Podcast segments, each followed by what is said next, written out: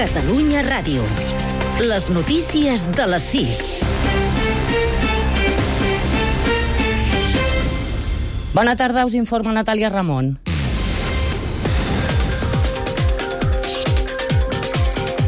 La treva a Gaza entre Hamas i Israel s'allargarà dos dies més fins dijous a primera hora del matí, segons ha anunciat Qatar, que actua com a mediador entre les parts. Hamas ha confirmat la pròrroga de la treva després que Israel havia anunciat aquesta tarda que es treballava en aquesta direcció. Els progressos en les negociacions s'han produït mentre s'espera l'intercanvi d'hostatges i presoners d'avui, l'últim que s'havia pactat fins ara i que havia presentat dificultats per diferències entre les llistes facilitades per Hamas. Fins ara s'han alliberat 58 segrestats, més dels compromesos inicialment, i 117 presoners. La Creu Roja també ha pogut traslladar 150 camions d'ajuda humanitària al nord de la Franja de Gaza, la zona més castigada pels bombardejos israelians i també pels combats. En les últimes hores, però, s'hi havien bloquejat l'accés a l'espera d'avenços en l'acord d'alliberament d'hostatges.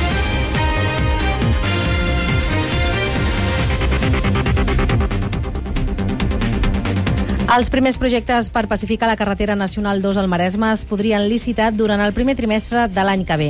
La consellera de Territori, Estir Capella, ha presentat aquesta tarda als alcaldes com s'invertiran els prop de 400 milions previstos per millorar la mobilitat a la comarca. Mataró, Marta Vallès. Bona tarda. Els maresmencs fa molts anys que senten parlar de la pacificació de la carretera nacional que travessa els municipis. El traspàs de la via ve de 2010, però fins ara l'Estat no s'ha vingut a traspassar també els diners que acompanyaven aquest acord. Dels 400 milions en van arribar 90. La consellera de Territori, Esther Capella, té la certesa que ara tot està encarrilat perquè hi ha la partida pressupostària vinculada amb un protocol que s'ha desenvolupat a través d'un conveni que té força legal per obligar l'Estat a complir el traspàs dels fons i, per tant, a la Generalitat de Catalunya s'obliga a fer totes aquelles obres necessàries vinculades a la Nacional 2. La pacificació de la carretera suposa traslladar el trànsit a la C32, que ja ha vist créixer el seu volum des de l'eliminació del peatge. El projecte preveu en aquest sentit sis nous enllaços amb l'autopista. Marta Vallès, Catalunya, Ràdio Mataró. Campanya de la petita i mitjana empresa de PIMEC per promocionar el comerç local i de proximitat. Hi participaran prop de 20.000 establiments comercials i d'hostaleria de tot Catalunya i es farà els dies 1, 2 i 3 de desembre a Lleida. Pere Joan Álvarez. Alguns establiments penjaran globus en forma de cors, alguns forners oferiran degustacions de productes i altres, per exemple, mostraran fotografies històriques dels seus municipis. Però més enllà d'això, tots penjaran cartells amb el lema de la campanya Escolta el batec del teu comerç, comerç local, vine i viu-lo. Asseguren que el comerç tradicional està en perill i que cal més consciència de la importància que té per l'economia i l'arrelament de la població al territori.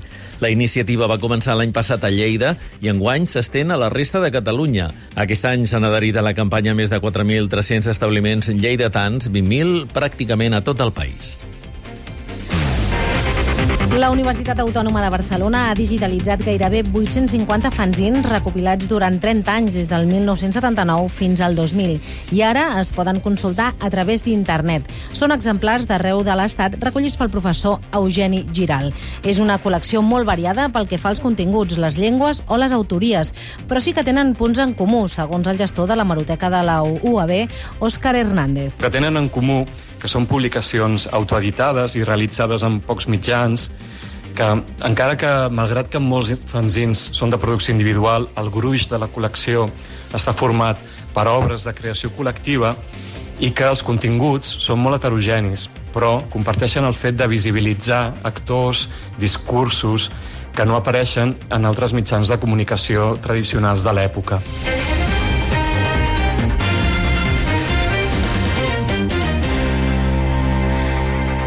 L'hidrogen que impulsarà els nous autobusos de Tarragona no és del tot verd i no té la certificació oficial. La falta de grans plantes d'energia renovable a prop dels centres productors dificulta que es pugui estendre aquest hidrogen a Catalunya. Els productors demanen relaxar les exigències per impulsar primer la tecnologia a Tarragona, Manel Sastre. Per certificar l'hidrogen verd cal que es produeixi a partir de l'electròlisi de l'aigua i amb energia renovable de proximitat. A Catalunya, la falta de grans plantes de renovables ho fa difícil. En el cas de l'hidrogen dels autobusos de Tarragona, per exemple, és un subproducte d'una planta de clor que està aprofitant carburós metàl·licos. El seu director a Tarragona, Miquel López, reconeix que per això és difícil certificar el color de l'hidrogen. Ve d'una electròlisi de, de clor i es produeix a partir d'energies renovables, que encara no existeixen certificacions i és difícil posar-li un, el, el color verd si no tens la ratificació perquè no existeix, però seria lliure de, de carboni en la, seva, en la seva producció. Míriam Díaz, directora de la xarxa d'innovació de l'hidrogen renovable d'Eurecat, aposta per no fixar-se tant en el color per impulsar-ne l'ús que no hem d'esperar a tenir una capacitat de producció d'aquest hidrogen amb una etiqueta verda pura, hem de començar a, a, a desenvolupar aquesta tecnologia en paral·lel a la producció d'hidrogen. No? Comencem utilitzant un hidrogen que potser no és tan net, desenvolupem aquesta tecnologia. De moment, l'única estació amb hidrogen verd certificat a Catalunya és la que té Iberdrola a la zona franca de Barcelona.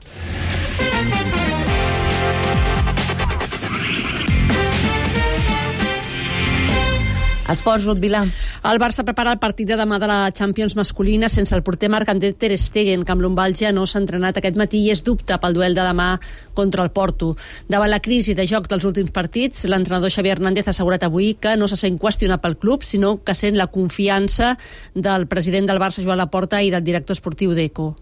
El Girona es pot situar novament líder de primera. A les 9 rep l'Atlètic Club en un partit que podreu seguir en directe pel Tot Gira de Catalunya Ràdio. El club ha exaurit totes les entrades. Alexia Potelles torna a Barcelona després de viatjar aquest matí a Madrid per respondre a la convocatòria de la selecció espanyola de futbol. Els metges de la Federació Espanyola coincideixen amb els del Barça. Alexia no té cap lesió al genoll, però com que la futbolista sent molèsties a la zona, creuen que és millor que descansi i continuï la seva recuperació a les instal·lacions del Barça. Irene Paredes, que s'ha perdut els últims tres partits del Barça per un amic d'Elitis, sí que se suma a la convocatòria de la selecció espanyola. El jugador de l'Espanyol Nico Melamed passarà demà per quiròfan per operar-se de la luxació a l'espatlla esquerra que li ha impedit participar en els últims partits de l'equip. I Onda confirma que Luca Marini serà el substitut de Marc Márquez a l'escuderia. Recordem que Márquez marxa després d'11 anys i ara correrà per a Ducati. Fins aquí les notícies.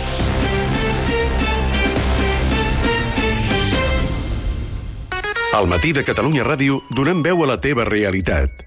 Ara imagineu-vos que teniu 10 anys i de cop descobriu que la vostra mare biològica us va abandonar enmig del carrer quan teníeu pocs mesos de vida. Com que els meus pares eren molt transparents en aquest aspecte, doncs tenien els papers de la meva adopció i vaig trobar niño encontrado en la via pública tal dia, llegó aquí pues, amb aquestes va malalties. Va ser aleshores quan va saber que l'havien abandonat al carrer quan tenia un o dos mesos un matí de novembre. Sempre he pensat com, com de fotuda havia d'estar aquesta dona o aquesta noia per fer això, això ha de ser duríssim. No? De dilluns a divendres, de 6 a 1... Al matí de Catalunya Ràdio. Amb Ricard Ostrell. A Catalunya Ràdio, de 4 a 7... La tarda de Catalunya Ràdio. Amb Elisent de Carot. Passen 8 minuts a les 6 de la tarda. Conversa interessantíssima durant, eh, res, aquesta falca, eh, que hem sentit de tarda. No ho expliquis, Carot. No, no, no ho explicaré. Clar que no ho explicaré. Va, parlem del Satisfyer. Stop, look, listen, learn. Abans del butlletí estàvem parlant d'aquest eh, succionador, aquesta joguina eròtica que ens deia la Raquel Tulleuda, però eh, deu tenir els seus avantatges i els seus inconvenients. Quins són? Mira, els inconvenients són els inconvenients d'aquella dita catalana que a mi m'encanta, de totes les masses piquen. És a dir, els inconvenients deriven de quan nosaltres sistemàticament utilitzem el Satisfyer, ja sigui per masturbar-nos o ja sigui en, en sexe compartit en parella, perquè realment allò genera un nivell de vibració i un nivell d'estímul que físicament no hi ha part humana que, sigui que pugui comparar-s'hi, clar. Aleshores, si nosaltres condicionem la nostra resposta sexual a aquell estímul físic, qualsevol estímul amb llengua, amb mà, amb penis, amb És fricció, impossible. És impossible. Per tant, estaríem dient que si ens acostumem a aquestes vibracions... Ja no parlo només del Satisfyer, eh? però podem parlar d'un vibrador a, a, a alta velocitat. Clar, és que cap eh, resposta humana pot arribar a aquests nivells d'estimulació, no? Uh, la gent ens pregunta, pot provocar cistitis? Si s'utilitza adequadament, no, perquè en realitat l'aparell no té contacte directe amb el clítoris i ni que el tingués, la sortida de l'orina, el meat uretral, està, està a l'introit, està una miqueta per sota. Per tant, ben utilitzat, en principi no hauria de passar. Uh -huh. I s'ha de rentar cada vegada que es fa servir, m'imagino. Això seria l'escenari òptim, clar. Fins a quin punt pot suposar un problema en relacions de parella? Ho suposa a vegades perquè, com et deia, si sempre per arribar a l'orgasme o per aconseguir un nivell d'excitació amb el qual ens sentim suficientment satisfetes necessitem el Satisfyer, si sempre l'utilitzem arribarà un moment que qualsevol altra cosa serà insuficient. No és que no es pugui incorporar al Satisfyer, un vibrador o qualsevol altre joc a la nostra relació, però certament aquest tipus de vibracions no es poden reproduir amb un cos humà. Per tant, de manera puntual, està fantàstic. De manera sistemàtica, home, hem d'anar amb compte. També és cert que la major part de gent l'utilitza per masturbar-se i hauríem de fer, un dia podem fer un simposi sobre la masturbació, perquè ens masturbem amb, amb diferents objectius. No sempre ens masturbem amb, amb la idea de tenir un joc eròtic i passar-hi una bona estona. A vegades pot ser només no m'adormo, vull un orgasme ràpid perquè això m'ajuda a, a descarregar estrès, mm -hmm. em baixa el cortisol i m'adormo. I en aquestes situacions, efectivament, el Satisfyer, que aconsegueix una resposta genital no necessàriament acompanyada d'una resposta cerebral immediata, doncs és fantàstic. Clar, és com molt automàtic, no? Diguem-ne que no has d'entrar, no ha de ser sensual. Seria interessant poder fer aquesta distinció, entendre que l'excitació genital o la resposta genital, que és molt més física i molt més secundària um, a, a l'estímul, no ha d'anar sempre acompanyada d'una excitació mental erotitzada que, que, que hi vagi en uh -huh. consonància. És a dir, podem tenir resposta sexual i fins i tot orgasme sense que el cervell ens hi acompanyi. Mm -hmm. Recomanes a consultes joguines sexuals a les parelles que et consulten?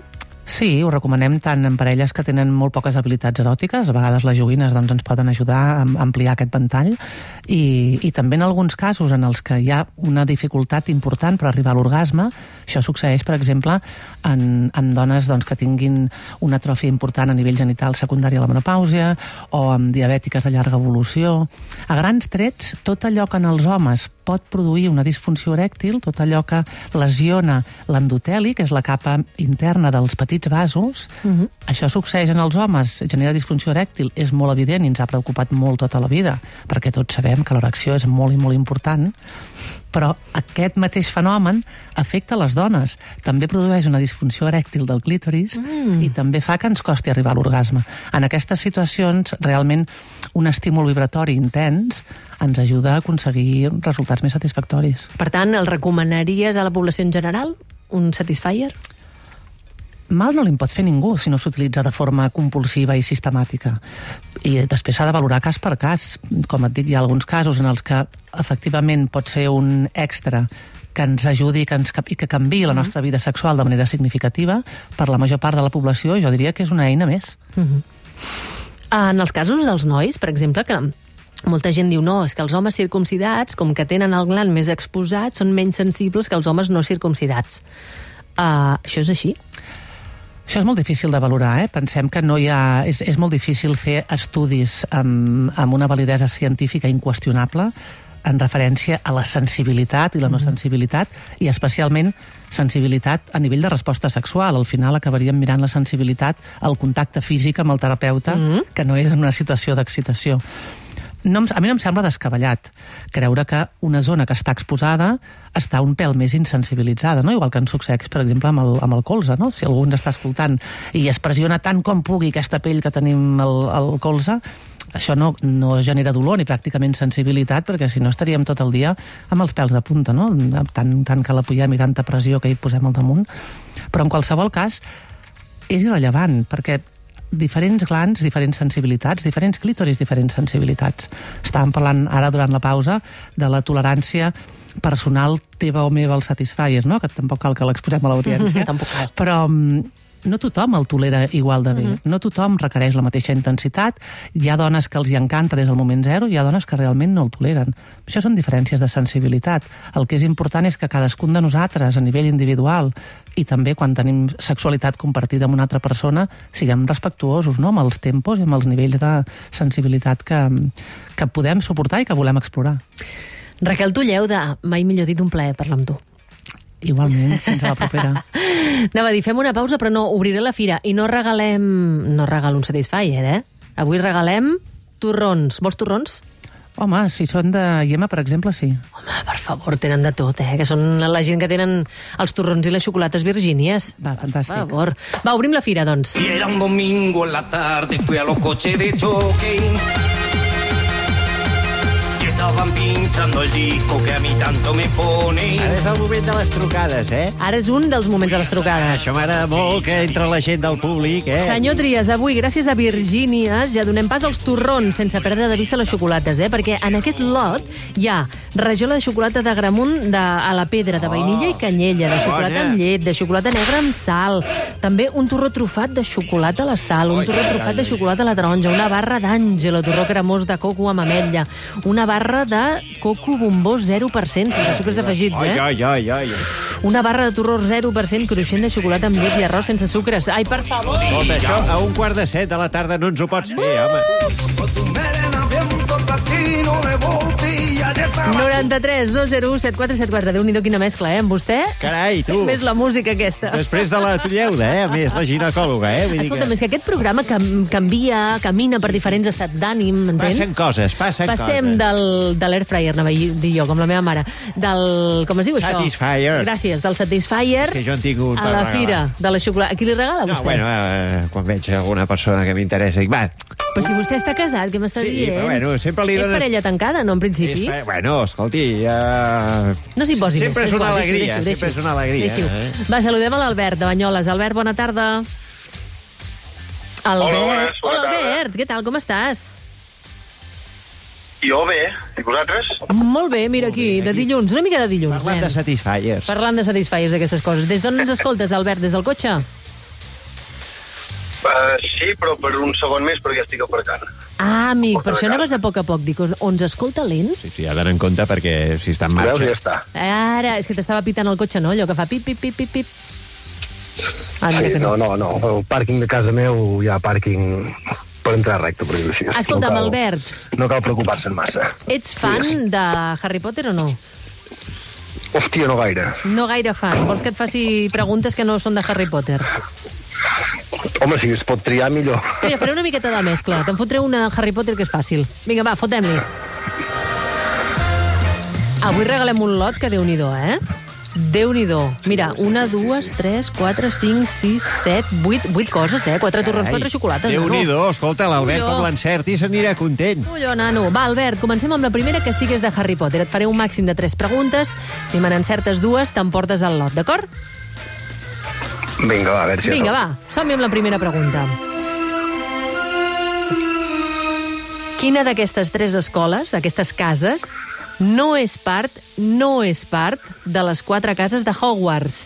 Quina no és part de les quatre cases? Et dono tres opcions. Gryffindor, Muffelhouse o Hufflepuff? La segona no n'és. La segona no n'és. Dit amb molta convicció, eh? Sí, tu, per no Sí, no, no, perquè no sóc fan, però ho he mirat un mínim. Doncs escolta'm, Albert, la primera, correcta! Molt bé, fantàstic! Hosti, tu, de veritat, eh? Fantàstic, m'agrada molt. No és fan, però... Està Cultura molt bé. general de Harry Potter, Clar que bé. sí, clar que sí. Va, anem a una pregunta que no sigui de Harry Potter, d'acord? Va, segona pregunta. Ara, cara, que cardera la pota i ja veuràs ara. Que ara cardaràs la pota en aquesta i hauré de tornar a Harry Potter, m'entens? A veure, parlem de joguines. L'empresa Barbie ha decidit aprofitar aquest moment per fer una nina d'un personatge estrella del Nadal. A qui ens referim? De quin personatge ha fet una nina l'empresa Barbie? Home, de la Barbie, no? No, home, part de la Barbie. Ah, De Maria Carey? De Michael Bublé, en aquest cas un Ken? O l'ha fet de Rosalia? Buah, ni la més remota idea. A veure, diria la- la primera, però Elimina, elimina. Tu creus que és idea. Michael Bublé? és que no sé ni qui és aquest senyor. sap lo del Harry Potter i no sap lo del Michael Bublé. No sap qui és Ha- Michael Bublé. És un crooner, un cantant, un cantinto. Eh, És el Frank Sinatra És el d'ara. Frank Sinatra actual, exacte. A veure, Albert, va, Maria Eh, Carey, no- no Michael me Bublé o Rosalia? Jo, la, la primera és la de la cançó del Merry Christmas, aquella famosa, no? La del... La del Merry Christmas, exacte, la del... Eh, com es diu aquesta? Hòstia, és com All I Want for. Christmas is Ah, you. aquesta. All I Want for Christmas is you. Tu creus que és jo, aquesta, Albert? Jo et diria aquesta Sí. perquè té més a veure amb el fet de que sigui Nadal que la Rosalia, però clar, mm, eh, ni puta idea, sincerament. Mira que és punyetero, ja ens ha pillat el, el, el joc El que rotllo, fem, no? eh? El El rotllo que fem a la fira, eh? També et diré una cosa, sempre foteu la resposta de la Rosalia a totes les preguntes. Perquè no és veritat. I no és mai la Rosalia. Albert, diem... Això Mar... ha estat un spoiler, eh? Depèn de com. Una miqueta, una miqueta, eh? És més tonto, senyor Trias, de veritat, eh? Anem a mitges. Albert, marquem la Maria Carey Marguem la Maria Carey. i la resposta és correcta! Mira, perfecte. La del Merry Escolta'm. Albert cap a Banyoles, que se'n va aquest, aquest regal fantàstic, aquest lot de xocolates uh, virgínies, que són xocolates i són torrons, eh? Xocolates i torrons, Sí, sí, ho Albert. he sentit, perfecte. Moltes gràcies per escoltar-nos, sobretot. Una abraçada molt forta. A vosaltres per fer el programa. Adéu, Albert. Que vagi molt bé. adéu. Ai, que és maco l'Albert, eh? Escolta, el podem fitxar de col·laborador? Guarda el número de l'Albert, tu. Va, parlem amb la Maribel. A veure, Maribel, bona tarda. Hola, bona tarda. Des d'on truques, Maribel? Molt bé, reina, i tu? Molt bé, gràcies. Escolta'm... Escolta, quina actitud més positiva té la Maribel. Aquesta és l'actitud. Molt ser que bé. nosaltres estem aquí per entretenir a la gent, per fer show de la tarda, i és la gent qui ens està trucant i ens està posant de bon humor a Ens, nosaltres. ens està donant bon, bona vibra, que en diuen. Que és fort, Oi, això. mira tu que bé. Mira, Maribel, has sentit tot el Sí. tarro de xocolates virgínies que tenim? Sí, tu. Hardcore, eh? Fantàstic, eh? Hosti, tu no s'hi posen Sí, per sí. poc, aquesta gent, eh? A veure, va, Maribel, mateixa, Sí. mateixa dinàmica. Et faré màxim tres preguntes, has d'encertar-ne dos, d'acord? D'acord. La primera és de Harry Potter, però és fàcil, val? Perfecte. Va, fotem-li. Soc molt fan. Ah! Doncs mira, posa-li una de difícil, tu. No, li faré les tres de Harry Potter. Ara dic que és molt fan, doncs vinga, patxuga, com Vinga, diria va. ma mare, patxuga. A veure fins a quin punt és fan. A veure... Quin animal té com a mascota en Ron Weasley, l'amic de Harry Potter? Et dono tres opcions. Té una òliba? Té un gat? O té una rata? Té una rata. I la resposta és... Correcte! Ai, tu. Epa, epa, epa, Albert, com hi va, no, la Maribel? Qui té una rata com a mascota? No ho En entenc. Ron, en Ron Weasley. Però per què la vol, la rata? Per què la vol? Què fa servir de la rata? Bueno, i què fas tu amb un gos? Bueno, home, un gos el pots portar a passejar, et comuniques una miqueta, però una rata és com molt desagradable, no? Però serà per tu, escolta, en Ron Weasley no. A veure, segona pregunta. Com s'anomena dins l'univers Harry Potter a les persones que no tenen habilitats màgiques? Becarios. Resposta A. Et donem tres opcions, però a veure si ets molt fan ho Mhm. sabràs, eh? Se'n Mhm. diuen Dementors, se'n diuen Muggles o se'n diuen Nuggets? Muggles. Correcte! Ahí està. Escolta'm, ja t'emportaries el lot, però te'n faig un altre per posar-te a prova, va? Ara te l'emportes segur, eh? Però després ara ho celebrem. A veure. La pròxima vegada que em posin un Magel, jo no presento aquest programa, eh? Magels no, vale? Poca más. Però què dius, Muggles? Va, una... És que s- són fàcils, eh? Per tu són fàcils. A veure. Va, ritmo. Com es diu... I ara és pregunta oberta. Com es diu l'esport que practiquen els mags a l'escola Hogwarts? Quidditch. Correcte. Ai, és allò de la... Del, del, de la... De la què?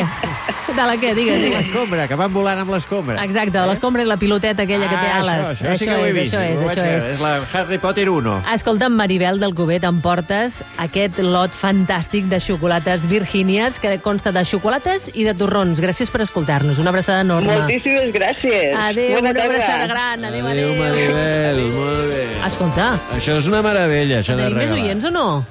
Tenim algun més? És que estan tan simpàtics que m'estan alegrant el dilluns. No, i ho saben tot, tu. Ullo, a veure, la Carla, a veure, parlem amb la Carla. Carla, bona tarda. Hola, bona tarda. Hola, Carla, com estàs? Eh, bé, però després de la que acabo de sentir, déu nhi eh? eh com Sí. l'han deixat al llistó. T'ho ha posat difícil, eh, Carla? Molt, molt, molt. Escolta, Carla, Farem la que, mitja. que surts de treballar ara? Encara s'ha de treballar una miqueta. De què treballes? home office. Eh, soc controller. Controller de què, de què? Controller de què? Bueno. Eh, és una... És, és eh, meitat eh, comptabilitat, meitat l'anàlisi de dades. Això és el que... eh, de números. Escolta'm, si mai et falta feina, hauries de venir a treballar aquí a la tarda de Catalunya Ràdio, perquè, nano, ens fotem un merders amb els Excel, amb sumar i restar, que ho acabem fent tot amb la calculadora del mòbil per mirar. Saps Pues m'ho passaria bé. Doncs sí, t'ho passaries bé. A veure, Carla, mateixa mecànica, d'acord? Et faré tres preguntes, només la primera en el teu cas serà de Harry Potter. Si encertes dues d'aquestes tres, t'emportes el lot de xocolates virgínies, val? Perfecte. Vinga, som amb la primera. Carla, quina és l'andana on s'atura l'express de Hogwarts, el tren que han d'agafar els alumnes per anar a l'escola de màgia? Et dono tres opcions. Es diu 13 i dos quarts, es diu 3 quarts de 9 o es diu 9 i 3 quarts. Uh, 9 i 3 quarts? Correcte! Sí, senyora, molt bé. Ja en tinc una. Aquesta em sembla que ara s'ha fet viral la gent que, que vol fer com a la pel·lícula, llavors se'n van cap a la paret de l'andana i comencen a córrer contra la paret i en lloc de travessar-la, òbviament, doncs eh, s'estampen, eh? Va, vinga, ara et parlo del cartell del Primavera Sound. Et vull posar a prova amb els noms dels artistes convidats. Ara et diré un nom i has de dir si es tracta d'un nom real o és inventat. D'acord? Va, perfecte. En tens dos, eh, en total. El primer és Sega Bodega. Real o inventat? Sella. Què has dit? Perdona, Sella Bodega. Ah, val, Sega Bodega. És Ah, real o Sega- inventat? Eh, ni idea, però diré que inventat. Incorrecte. No passa res, no passa res, no passa res.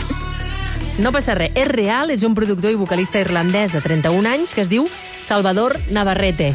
Ah, home, doncs mira, eh, jo tampoc ho sabia, eh? això que està sonant, Albert. Sega Bodega, sona bé, tu. Sega. Bodega, no? I no hi ha un Nintendo Bodega? Va, acabo amb una de Harry Potter, que si l'encertes t'emportes el premi, i és molt fàcil, val? Va, vinga, Perfecte. Vinga, com descobreixen els alumnes de Hogwarts a quina casa pertanyen un cop arriben a l'escola de màgia? Et dono tres opcions.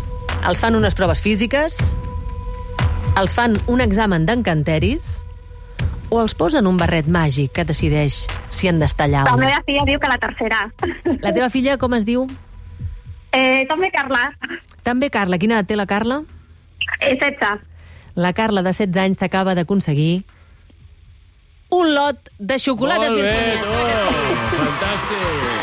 Carles, totes dues us emporteu aquest lot de xocolates virgínies que són, recordem, eh, xocolates i torrons, un total de 10 articles perquè vosaltres els gaudiu. Una abraçada molt forta, Carla. Uau, moltes gràcies. Adéu, bonica, adéu, adéu. Adéu.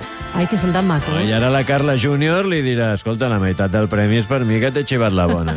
Eh? Va, nosaltres fem una pausa i a la tornada parlarem amb la divulgadora social Valentina Ver del seu llibre La respuesta de todo lo que le preguntarías a una tía trans. La tarda de Catalunya Ràdio, amb Elisenda Carot.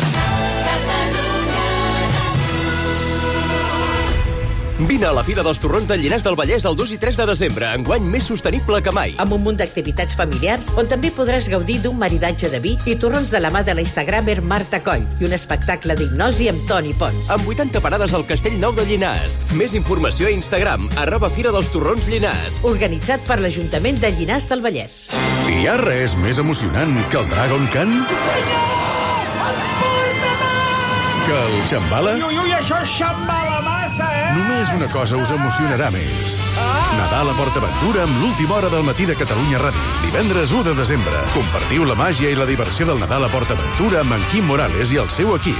Només 50 oients afortunats podreu acompanyar-los. Estigueu atents a l'última hora per aconseguir les invitacions. Però per què segueixes cridant, Joel? Ah, Quim, un home amb barba blanca i vestit de vermell. És el Karl Marx. És el Pare Noel. Divendres 1 de desembre. Bon Nadal i feliç PortAventura amb l'última hora del matí de Catalunya Ràdio. Ens fa molta pinta de comunista, eh? Amb el suport de PortAventura Gold, perquè hi ha Nadals que recordaràs tota la vida. Lewandowski, Alexia, Pedri, Aitana, Gavi. Gaudeix dels jugadors i jugadores del Barça cada dia. Mundo Deportivo t'ofereix el calendari oficial del Barça 2024 amb tots els partits de la temporada de l'equip masculí i femení.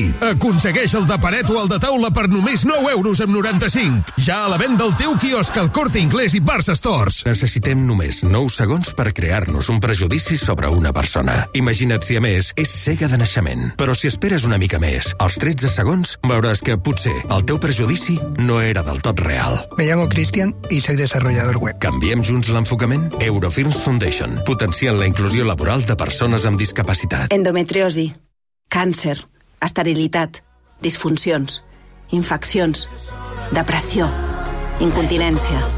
Les malalties i els problemes relacionats amb la salut sexual i reproductiva afecten una de cada tres persones. El 70% són dones. Visibilitzar la salut sexual i reproductiva és el primer pas per poder-la investigar. La Marató per la Salut Sexual i Reproductiva. La marató que dona llum. Diumenge 17, la Marató. Hi ha un lloc on viuen totes les paraules. Paraules. La tarda de Catalunya Ràdio. Som 3CAT. El 2024, cap municipi metropolità sense electrolinera, perquè en només un any els punts de recàrrega actuals de l'àrea metropolitana de Barcelona es multiplicaran per 10. Així, a finals del 2024, els usuaris de vehicles elèctrics disposaran de 102 electrolineres que conformaran una de les xarxes públiques de punts de recàrrega ràpida més extenses del sud d'Europa. Amb el cofinançament del Fons Europeu de Desenvolupament Regional. AMB Electrolineres. Qui vol menjar bé, compra als mercats de Barcelona. Qui vol triar i troba tot allò que busca. Qui vol cuinar bé, escolta els consells, les receptes i els trucs dels venedors. Qui sap el que vol, torna al mercat. Mercats de Barcelona. Frescos, bons, sants i sempre al teu costat. La tarda de Catalunya Ràdio. Amb Elisenda Carol. Dos quarts tocats de set de la tarda. Ja tinc per aquí l'Aleix Manzano, que avui avui ha anat a fer de... No de, de, de caganer, no. Tu has no. anat a fer caganers, no, carinyo? He anat a fer de dissenyador de caganers, que és una altra cosa. Verge Santa. Ja veuràs. De seguida anem amb tu, però abans eh, vull que escoltis molt atentament, perquè crec que t'interessarà aquesta entrevista. Mireu, a la tarda de Catalunya Ràdio us volem parlar ara d'un llibre que és tan interessant com necessari. El llibre es titula La respuesta a todo lo que le preguntaries a una tia trans. I és que una cosa és indubtable, malgrat que avui dia la visibilitat, normalització i acceptació social d'aquest col·lectiu trans ha millorat respecte a fa un temps, la realitat que els toca viure encara és molt desconeguda per molta gent. I és clar, quan una cosa es desconeix, què passa? El més normal és preguntar, o això hauria de ser la teoria. Però d'una banda, no fem sempre les preguntes que caldria, i de l'altra, també hi ha qui, malauradament, fa preguntes innecessàries i fins i tot ofensives. Però aquestes preguntes existeixen. Valentina Ver, molt bona tarda. Molt bona tarda, què tal? Molt contenta de tornar-te a tenir aquí a la tarda de Catalunya Ràdio. Imagina't jo. Que feia massa, feia massa. A veure, la Valentina és divulgadora social i l'autora d'aquest, La respuesta a todo lo que le preguntaries a una tia trans. Faig una pausa perquè el llibre es diu oficialment La respuesta a todo, lo que li preguntaries a una tia trans és el subtítol del llibre, però crec que s'entén moltíssim quan ho llegim uh, seguidament. A veure, Valentina, t'he de confessar que ara mateix, a l'hora de presentar-te, jo dic, ara què he de, he de dir? És una dona trans o no? T'he de presentar com una dona trans o no? Perquè, clar, amb una dona cis no ho faria. Correcte. A mi m'agrada que em comencin a, present, a presentar com pel que faig, que és una cosa que... Escriptora. No, per exemple. Mm -hmm que després hi ha com la gent que té com el complex que li diguin escriptora només perquè ha escrit un llibre, no? Però jo sempre com que reivindico que també des de, des de molts àmbits de societat moltes vegades se'ns ha eh, relegat a les dones trans a ser només objecte de l'espectacle i no subjecte, no? Uh -huh. I des d'aquí jo reivindico que, que escrivim, que, que fem coses, que expliquem històries i que ho reivindiquem com a tal. Després, que agradi o no és una altra cosa. Ah, però això cadascú, com a tot, no? Uh, jo t'he destacat una cosa, ara quan has entrat dic, ostres, he rigut molt, estic rient llegint el llibre. Crec que és important, i abans ho parlàvem també a redacció, que he llegit uns, uns trossos, no?, de, ai, mira, m'ha fet riure, m'ha fet riure, i crec que és necessari, no?, parlar d'aquestes temàtiques um, rient, o, o amb la ironia que fa servir. Sí, perquè també és, hi ha com una narrativa constant de, de, i, hegemònica i única de, de tot el que té a veure amb lo trans, no? que és sempre des del drama, des de, també des d'on s'explica la història, no? de, de la persona trans que descobreix que és trans i llavors pateix molt i és tot fatal i sempre sobre el mateix tema, no? com que si hi ha una trama sempre ha de ser sobre la transició i, i les ties trans i les persones trans en general eh, també som idiotes, riem, eh, fem tonteries i, i som iròniques, divertides, eh, de tot, no? I en, I en aquest cas, el llibre, jo crec que és una mostra Mm. És que ara m'has fet pensar en, en la, mare, la mare Jiménez, mm. uh, que ens ha visitat alguna vegada aquí a la tarda a Catalunya Ràdio, ara està fent un espectacle, on és una història d'amor i no té res a veure el fet de que ella físicament no sigui normativa, el que entenem per normatiu, no? Sí. I nosaltres eh, vam donar ho vam parlar aquí a la ràdio i vam dir, ostres, és molt interessant que no una persona uh, fora de la seva normali- normativitat física, la trama hagi de passar sempre per allà, no? És una mica el que, que, que m'estàs explicant, no? Sí. Um, per cert, transexualitat o transgènere? És el mateix? Expliquem-ho. Jo crec que és una, són discursos que, que s'han separat per, per diverses raons històricament. Uh, a vegades s'intenta separar com per parlar de que la gent transexual són com les trans reales, ¿no? Y després com lo transgénero és com gente que hace ver que és trans, uh, que també respon a, a criteris mèdics, no? Històricament s'ha... Genitalitat absoluta, no? Exacte, que també té a veure amb el fet de que abans, eh, per, perquè se t'acceptés com a persona trans, en aquest cas doncs, com a dona trans, per exemple, eh, havies de passar per tot el procés d'hormonació, cirurgia, no? I, i canviar certs aspectes del teu cos per adequar-te al que s'espera de tu com a, com a dona trans, no? Mhm. Uh -huh. eh, I la, la, el transgenerisme, no? el, el, la condició transgènere, eh, té més a veure amb, amb una qüestió social de construcció del gènere i, i d'alguna manera també abarca bastant més. Són discursos que no estan confrontats sempre, no? I, i que trobo que és molt interessant eh, llegir-los, eh, també contraposar-los teòricament i convido la gent a que llegeixi... Hi ha un llibre ara que sortirà al desembre que es diu Mutantes i divines, que em parla bastant d'això, Mm. mm. d'Ira Ibris. Per què has fet tu aquest llibre? Perquè estava fins al monyo. no, que és curiós... De que et preguntessin tot el que consta en aquest llibre, que déu-n'hi-do, eh? Clar, és que és una cosa que a més no és personal, no? sinó que és, és un malestar col·lectiu, és una, un esgotament col·lectiu de les dones trans, el fet d'estar tu i jo en un bar lligant i que la teva amiga, la teva amiga no para de preguntar-me a mi sobre lo trans, no? per exemple, mm -hmm. que és com ara no em ve de gust. És com ja prou no de definir-me per una sola cosa que forma part de mi. Exacte, I, i és curiós perquè normalment quan escrius un llibre el comences a escriure des de un entusiasme, no? des d'una il·lusió, i en el meu cas jo el començava a escriure des de la mandra absoluta de, hòstia, és que parin ja de dir-me això. Sí que està al monyo, per tant ho escric, i quan algú em digui alguna cosa els hi dono un llibre. Tal qual. De fet, el primer que vaig preguntar a la meva editorial quan ja estava el llibre eh, en si, en físic, eh, va ser quan pesa perquè necessitava saber si li tiro algú al cap. si em fa preguntes que no em ve de gust contestar. I són 320 grams. 320 grams, que ho sapigueu, sí. eh? Si us trobeu a la Valentina, no li pregunteu coses, llegeu el llibre directament. Mira, uh, és que crec que és interessant que llegeixi alguns dels capítols. Diu, uh, primer, ¿cuánto te diste cuenta de que eras, bueno, ya sabes, per parlar de tra tra transexualitat, eh, que tu dius que és Voldemort, no? Mm -hmm. Després, ¿cómo se lo tomaron tus padres? ¿Por qué tengo que decir ella? Por curiosidad, ¿cuál era tu nombre de tío? Pero si a ti te gustaban las tías, ¿no? ¿Te has operado ya? ¿Cuándo empezaste a tomarte hormonas? ¿Y la gente así? ¿Cómo folláis? ¿Educarás a tus bebés a ser trans? ¿Por qué las feministas están en contra de las mujeres trans? Oye, pero ¿las trans no tenéis ventaja en el deporte femenino? I això ho has, ho has d'escoltar cada vegada que t'introdueixen una persona nova, no? Cada dos per tres. I, i a més, si, si fossin preguntes més profundes, també com que hi hauria un punt d'interès, no? Però al Mhm. ser sempre les mateixes i ser tan com que en, són bastant superficials, no? I sempre es queden bastant a la superfície de, de les qüestions, arriba un punt de que ni tan sols és estimulant per una mateixa, no? Mhm. Així que sí, sí. I el llibre les respon literal. O sigui que, Sí, sí. que podria semblar que igual faig algun joc de no, et contestaré una altra cosa. No, no, són respostes literals eh, on també al final pues, cuelo un poco de discurso político, no? perquè és interessant eh, juntar-ho tot, però qui tingui curiositat mm, jo crec que la saciarà. Per la gent que ens està escoltant, segurament hi haurà, hi haurà molts pares i mares, alguns eh, deuen tenir fills, filles trans, eh, i parles de viure la transició que té un, un, un fille com un... Ai, com es diu luto en, català ara? Com Dol. el dol, gràcies. Sí. Se m'ha aturat el cervell. Diu, de hecho, que su hija sea trans puede, eh, se puede vivir como si le hubiera, si se hubiera muerto su hijo. La primera fase es la negación. Anda, com vas a ser tu una mujer, hijo? I m'agrada molt la reflexió que és com un... Si teniu fills, filles trans, aquest llibre interessant, perquè diu, le harás un favor a tu hijo, hija, hije, trans, con lo que nos cuesta a las tías trans quitarnos capas de mierda de encima hasta llegar a darnos cuenta de que en realidad somos tías. La verdad es que no ayuda nada que luego venga tu familia a decirte sin reflexionar ni un segundo que eso no es así.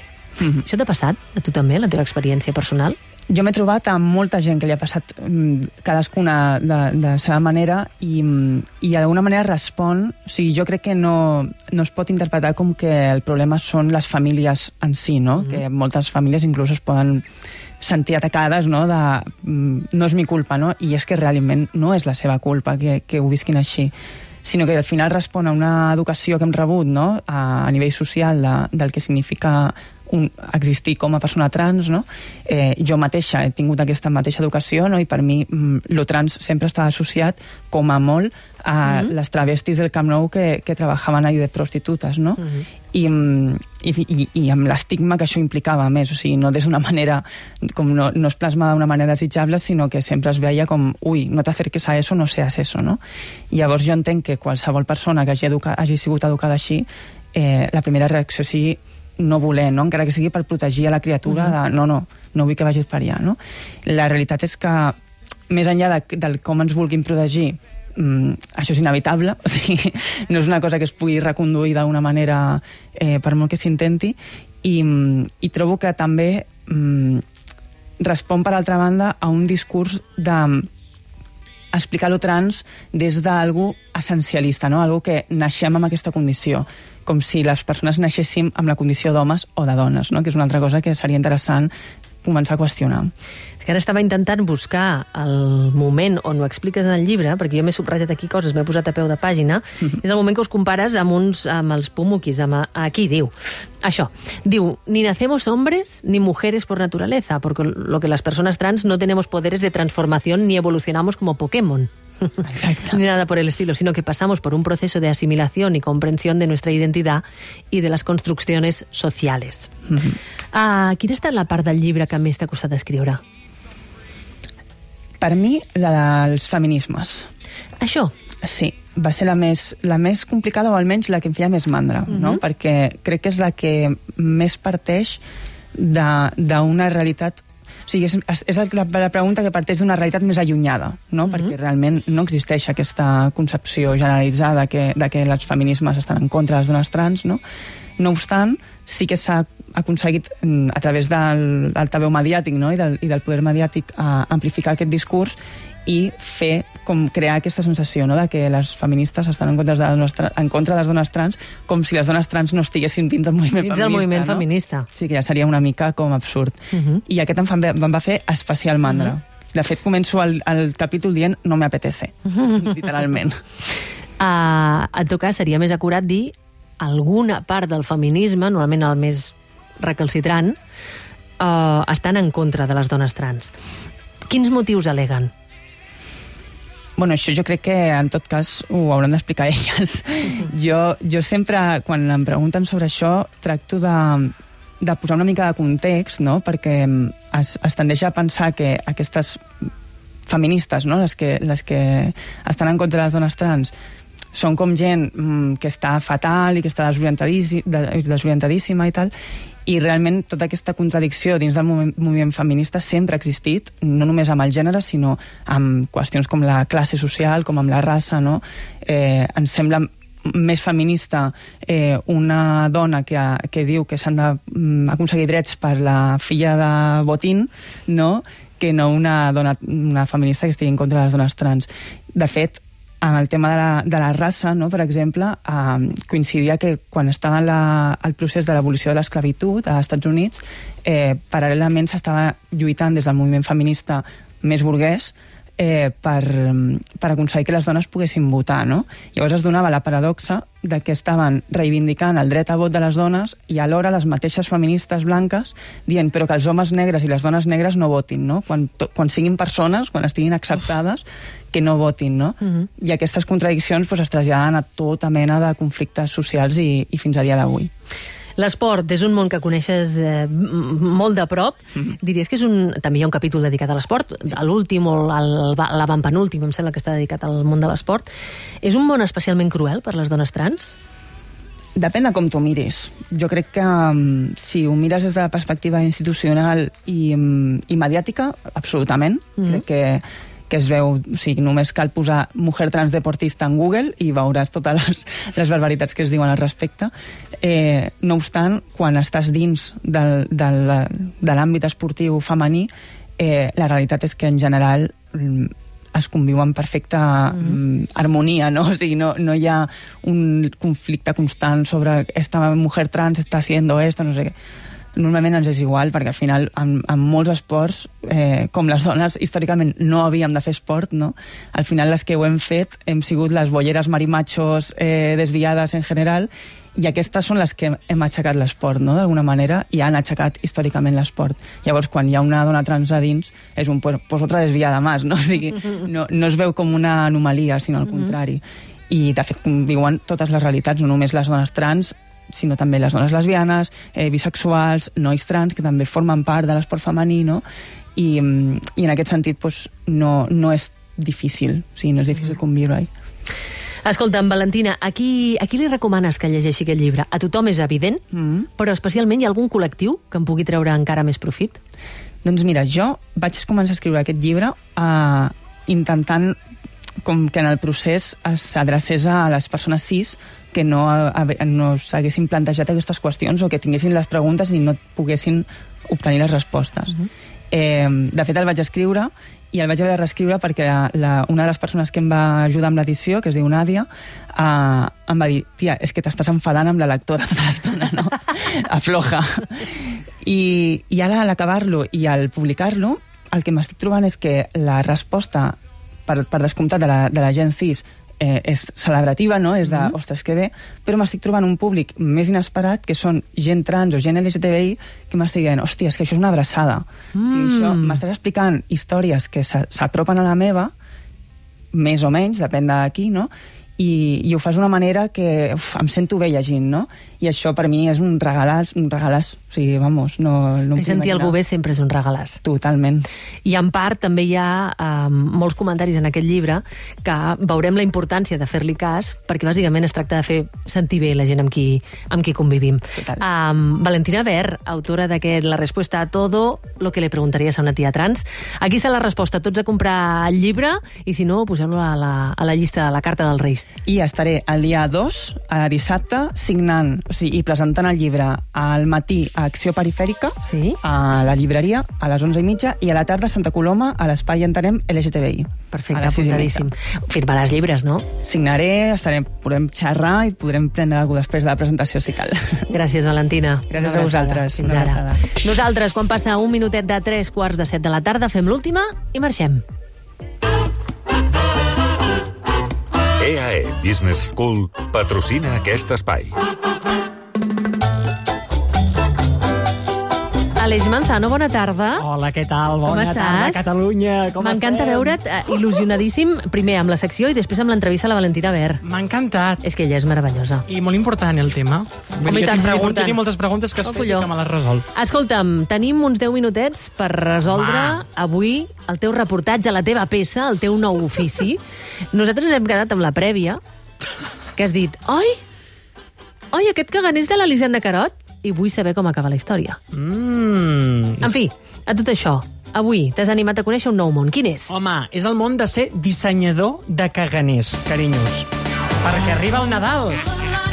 No, sí, ja, ja ens n'hem adonat que arriben les festes. Mi arriba el Nadal. Espero que guarniu aquest estudi d'aquí poc. Segurament eh? ho guarnirem, tot i que nosaltres demà fem la prèvia, perquè demà marxem Ah. al recinte uh, modernista de Sant Pau, un autèntic show des de les 4 i fins les 7. Enviarem a tots els oients que venen, que 180 persones. Mare meva, per gestionar 180 això. persones, ja està, ja digueu-m'ho a mi, Sí, sí. 180 persones que assistiran en aquest acte al recinte modernista de Sant Pau i, a més a més, després visitarem els llums entrades exaurides, però no us preocupeu, perquè demà us explicaré una nova moguda que tenim muntat per la la, la setmana que ve, no l'altra. Escolta, i la gent ja comença, els que han anat a veure-ho, estan Eh? al·lucinant. Ai, per favor. Per internet tothom diu que és una experiència brutal. Meravellosa. A veure... Per ah, començar, quin és l'element més important d'un pessebre? El caganer, ho tenim clar, no? Doncs vaig Home, a veure, voler... la Verge Maria també hi pinta bueno, coses. sí, però el caganer és el més important, carinyo, perquè he decidit ser per un dia dissenyador de caganers amb el meu mestre, en Marc Calós, que és un dissenyador de la botiga caga- caganer.com, Sí. que està al costat del Palau de la Música aquí a Barcelona. Estan allà físicament, sí. eh? I em va fascinar aquest negoci la multitud de famosos que tenien un caganer amb les seves cares. Mireu. Aquí tenim molts caganers famosos. Aquest disseny del caganer els penseu vosaltres? És a dir, feu aquí com un, un coworking. Quan vam començar aquest negoci hi havia re, quatre caganers, no? I va arribar un moment que ens vam atrevir a posar cara. Van ser polítics catalans. Ai, fèieu un Polònia, eh? Es van ser Maragall, Mas, en Pujol, en Saura, en Carot Rovira... Va anar tant i tan bé que vam tindre que estar fabricant dia i nit. Dia i nit fabricant, nano. A mi me'n va fer una també. te'n de van fer un? Tenies. Sí, sí, de caganer. Jo, jo Clar. soc caganer. Jo estava buscant i dic, no hi ha cap de l'Elisenda Carot, em vaig indignar moltíssim. Vaig dir una cosa, un referent de Catalunya com tu. Per favor, però no hi havia un buscar? caganer. Vaig estar buscant i rebuscant. Què passa? Que per començar a l'ofici de ser cagan, de, de dissenyador de caganers havia d'agafar una rèplica per poder imitar-la. D'acord. I vaig decidir agafar aquesta, mireu. A tu no t'agradaria provar de fer-ne un? Oi, m'encantaria, és el meu repte. Doncs pues ara hem de triar quin caganer voldries fer. Tenim 600. No és la Carot, aquesta? Uh, no? Ah, Alaska, per Alaska. Hosti, nen. Saps els gustos i les Ah, preferències de la em teva un Hi ha una moment, para un cantant que li moment. Sí, encanta perquè... Però què dius? Home, perquè la, era, era l'Alaska quan tenia el cabell pèl roig. Ah! Anava a dir, ara mira vaig que pensar, m'assembla la Carot, la. Carot, i em va dir, no, no, carinyo, no la tenim, no la tenim. I vaig decidir agafar la teva cantant preferida, que és la Tina Turner. Home, per favor, Tina Home, Turner. una o sigui, crac. que la te... el teu objectiu era fer un caganer de mi. Clar. I vas partir de Tina Turner? Vaig partir de Tina Turner, vaig mira, si no puc fer l'Elisenda Carot, el que faré és portar un caganer de la Tina Turner, o sigui, la M'agrada. I clar, un cop escollit aquest caganer, vaig haver d'anar al taller a preparar-ho. Ai, per favor, estic super emocionat. Home, doncs ara anirem cap a baix, cap al nostre Uh! taller. Veuràs que ho tenim tot preparat en allà. Ui, nen, però això està molt lluny. Ui, però què és això? Si això sembla una cata de vins, carinyo. Ara veuràs, tenim un motllo, tenim el fang i les mans, que és el més important. L'omplirem, apretarem, posarem, ja veuràs. Anem-hi o què? Anem-hi, vinga, va. Home, Epa. home, que arriba el moment d'embrutar-nos les mans, que és el, Embrutar-nos moment, les el, mans. meu pas preferit. Ja que ara toca manipular el fang, que és el primer pas, per poder fer el nostre caganer. Carlo. Les mans han d'estar netes o no? Per aquí no fa falta. Una cosa que t'agradarà molt és fer un xurro. Està fred, aquest fang. El podem fer aquí a la mà, allà? ens podem suportar sobre una taula. Saps que em recorda això? A quan estava a primària amb la plastelina? Oh, que brutot. M'encanta fer xurros. És, és un fang i és un secret, eh? Però et fa pil peeling de mans, eh? N'has d'agafar força, eh? Ja bueno, sí, era un moment, Marc, eh? Vas amb pressa. Ja veig que t'agrada això, eh? Saps quina nota vaig treure, plàstica? Digues, digues. Un 5. Un moment, un moment. S'estan tirant la canya o no, Albert? Aquí ha... No, home. Bueno, déu nhi per un moment m'ha recordat la pel·lícula Ghost. Home, per favor, s'estan tirant la Però què és el que canya. relaxa, començar a tocar el funk i fer així Jo crec que no va arribar a fer-se de cap caganer. No, allà no es van fer caganers. Una altra Es van cosa. fer El següent xurros. pas va, va més fort, perquè un cop remogut aquest fang, toca col·locar el material dins d'un motlle, d'acord? Que és el motlle de Tina Turner. Sí. Molt bé. I aixafar els espais en buit per Ara, donar-li una mica la forma correcta. Aquesta feina l'hem de fer de peu. No puc agafar aquest banc que hi ha aquí? No, carinyo, ja veus que aquí tenim un motllo Sí. I ara el posarem, el que et deia, primer a la cara, perquè ens ha sortit tot ben bé, el nas, la boca... Apreta, apreta. A veure, Tina, això és com quan fas un planxat. Clar, si surt el formatge pels cantons, doncs no és el mateix. I ara agafo l'altra peça, que és la que hem de col·locar a sobre. Fas una mica de clic-clac, clic, veus? Clic-clac, clic-clac, Molt bé. clic-clac, clic-clac, clic-clac. Fantàstic. Clar, és el Superbé, motlle, pensa que és el motlle que has d'apretar una No, mica no. com un biquini, saps? Es nota, es nota que en saps. Clinc. Sí, sí. I llavors, un cop aquí, en aquest moment arriba la màgia, companys. Ara, ara. Perquè traiem el motlle i ja tenim a la nostra figura de fang, la nostra Tina Turner. Aquí Ja tenim, la tenim! la nostra Tina Turner. Oh. Ah, Ui, ha sortit una tina una mica amb la cara desestructurada. Una Ai! mica, doncs, li podem fer una mica de lifting. Pensa que és la primera, eh? Que has de ser Ah, és que és la mica- primera. Bueno, ara la traiem i és tota la rebava que té al cantó. Ens fixem bé que hagi sortit bé el cul. Totalment fet artesanal. Quina part de totes el caganer creus que és la més important? La cara, el cul i la caca. Oh! La cara, el cul i la caca, la tríada. És ben cert, eh, que la gent es fixa en el, en el trullet. Home, és molt important. Quin creieu que és el pas que més il·lusió em feia fer? La caca. Home, perquè el, el pas que tota Catalunya espera, que és fer el regalet, o millor dit, la bona caca. Ara diríem, vamos a cagar-la, no? Mira al, al darrere de la figura i hem de fer una caca adient. Cadascú pot fer la caca que li vingui de gust. Exacte. Amb les meves caques. Ai, ai, ai, Aquí estem donant voltes, que ens acabi en punta o no. Vull que sigui una caca com trencadora, saps? Més que una caca sembla una ensaïmada. Una caca, una caca mare. M'he tirat abans un pet. Puc anar al lavabo? Ale. Home, i tant. Sí, on Vinga, està? Dóna'm el micro, cap allà al final. Visca la caca lliure. Em va venir caca, Però perdó. què fas? És que de tant parlar bola de caca, de veritat, que em va fer-me un pet i vaig, vaig voler anar al lavabo. I vas anar a mirar la teva caca per inspirar-te per fer la caca doncs de la Tina vaig Turner. fer-la genial, la veritat. I clar, un cop hem fet la caca, deixem reposar el fang uns minuts, perquè encara està molt moll. Sí. Pensa que està moll, això, no? I el que hem de fer és posar-ho dins el forn perquè quedi ben dur. Obrim aquesta tapa de que ha tapa aquí. La figura la posem a dintre. Però està calentet, eh, aquest forn? Pensa que aquest forn ara està a 50-60 graus. Sí. L'hem de pujar fins als 1.000 graus. Mil graus? Li puc donar un petonet? Dóna-li. Tina, que vagi molt bé, carinyo, molta sort. Tanca, tanca ja, que em cremo. Tanca Vinga, ja. ja està. Posem el programa, enxufem... Doncs pues ja ho tenim. Home, la Tina Escolta'm. s'està fent, s'està fent. La Tina s'està fent i aquest, aquest senyor que et va atendre està fins al capdamunt de la teva presència. Però saps què va passar en aquell moment? Em va passar una trobada d'aquestes, una catarsis d'emocions, d'artista. Clar, estava veient la meva Tina com s'estava fent i vaig dir, no, haig de canviar el rumb de la meva obra d'art. Ah, sí? Sí, i vaig decidir enfocar-ho diferent i fer això, mireu. He decidit fer la meva Tina Carot. Hòstia, molt bé. Fusionar-les i crear una. Vinga, com penses tu que començaríem a pintar? Doncs és hora de pintar-li el cabell. Et farem pèl Ara. roja. Ara, ara. Posar-li Bé. molt taronja, perquè la Carot té un taronja bastant potent. Sí. M'encanta. No li vols pintar de color, el cagarro? Jo Vinga. crec que seria exclusiu, només per ella. Els braços, Molt les bé. cames, la cara... Fun, oi que també té un micro? Per cert, al cul li posem pèls o no? Clar. Home, escolta, jo no tinc pèls, No, eh? aquí se'n van obrir moltes qüestions, perquè clar, Tina Turner, potser té pèl, qui sap si té pèl, o la Carot té pèl, jo no ho sé, Carot. Clar, són dic jo, no tinc pèl. Però jo porto la làser, eh, que com si no potser Picasso. tindria pèl. Però en aquell moment vaig pensar, és millor fer Tina Carot. Per És el que favor. més et defineix, a més, pensa que és un regal per tu. La tarda em posa, clar, tot va lligat, tot va lligat. I clar, en aquell moment, la botiga estava plena de turistes de guiris, i vaig pensar, saps què? Vaig a vendre el meu producte, Ai, a veure ai, ai, si ai, la ai. reconeixen. Mireu, mireu. Us agrada la meva Tina Carot? Yeah, yeah, sure. He's a journalist, a famous journalist in Barcelona. Oh, really? ¿Sabes quién es? El juego del calamar, ¿no? No, què et diu? who, who is Tina Carot? Tina Turner, do you know? És graciosa. Quin preu de venda li posaríeu? Perquè em vull guanyar la vida fent caganers. Cinco o seis. Alizenda Carrot, you are the best. I want to buy this carane. Cada uno tiene un gusto. It's so beautiful. El meu Tina Carot ha triomfat. Nena, que me'l volia robar la comprar. noia xinesa, que me'l volia robar. Mira, ha fet una venta, molt bé. i per què no li vas vendre? Jo Home, no, estaria allà perquè era per en un tu. pessebre. Era una edició exclusiva, Elisenda. Ai. I clar, en aquell moment vaig pensar, mira, crec que sóc un dissenyador en potència. Ho estic fent tan bé que Sí. li vaig proposar al Marc propostes també de nous veient. caganers. I mireu, mireu. Doncs mira, què et sembla si fas els nostres companys del búnquer de Catalunya Ràdio? Podries Bona. fer els tres Però i jo, amb un eh? ondes a la mà. Eh, podries fer, per exemple, la Laura Escanes, pobra, que s'està cagant amb tots els haters de la travessa. jo són consells que et dono. Idees. Ara a nivell internacional. Una Shakira amb la Clara Chia. El següent Oh. caganer és el meu, t'ho dic jo. A lo millor... Ah, el, meu és el, el pròxim és el meu del random, t'ho dic jo, Elisenda. Primer jo. Bueno, ja facin veurem. El teu és edició exclusiva, carinyo. Donadets de la mà, Donadets de la mà, Clar, sí, fem-ho. que la tarda em posa. Un cop acabat aquest magnífic, aquesta magnífica jornada, era hora de saber la meva nota com a dissenyador de caganers, i va ser aquesta. Un treball excel·lent. Hem de posar un 9 i mig. Oi! Perquè, ens el 10 acabi- és la perfecció. Ah, exacte. Marc, ha estat un plaer. El, el plaer ha estat mutu. Elisenda, tens un Picasso en potència. Ara. Aprofita'l. Molt bé. Ara, un Picasso. Un 9 i mig. I hem de dir que, per favor, una música èpica perquè...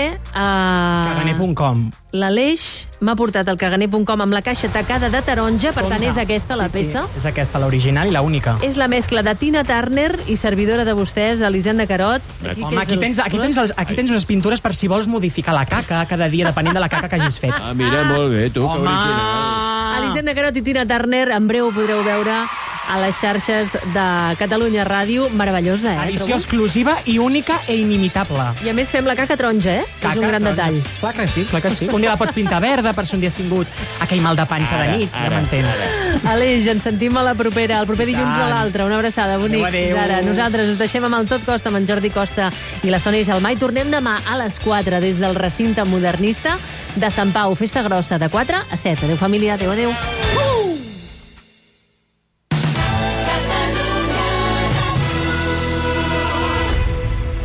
No sé on ets, Margalida,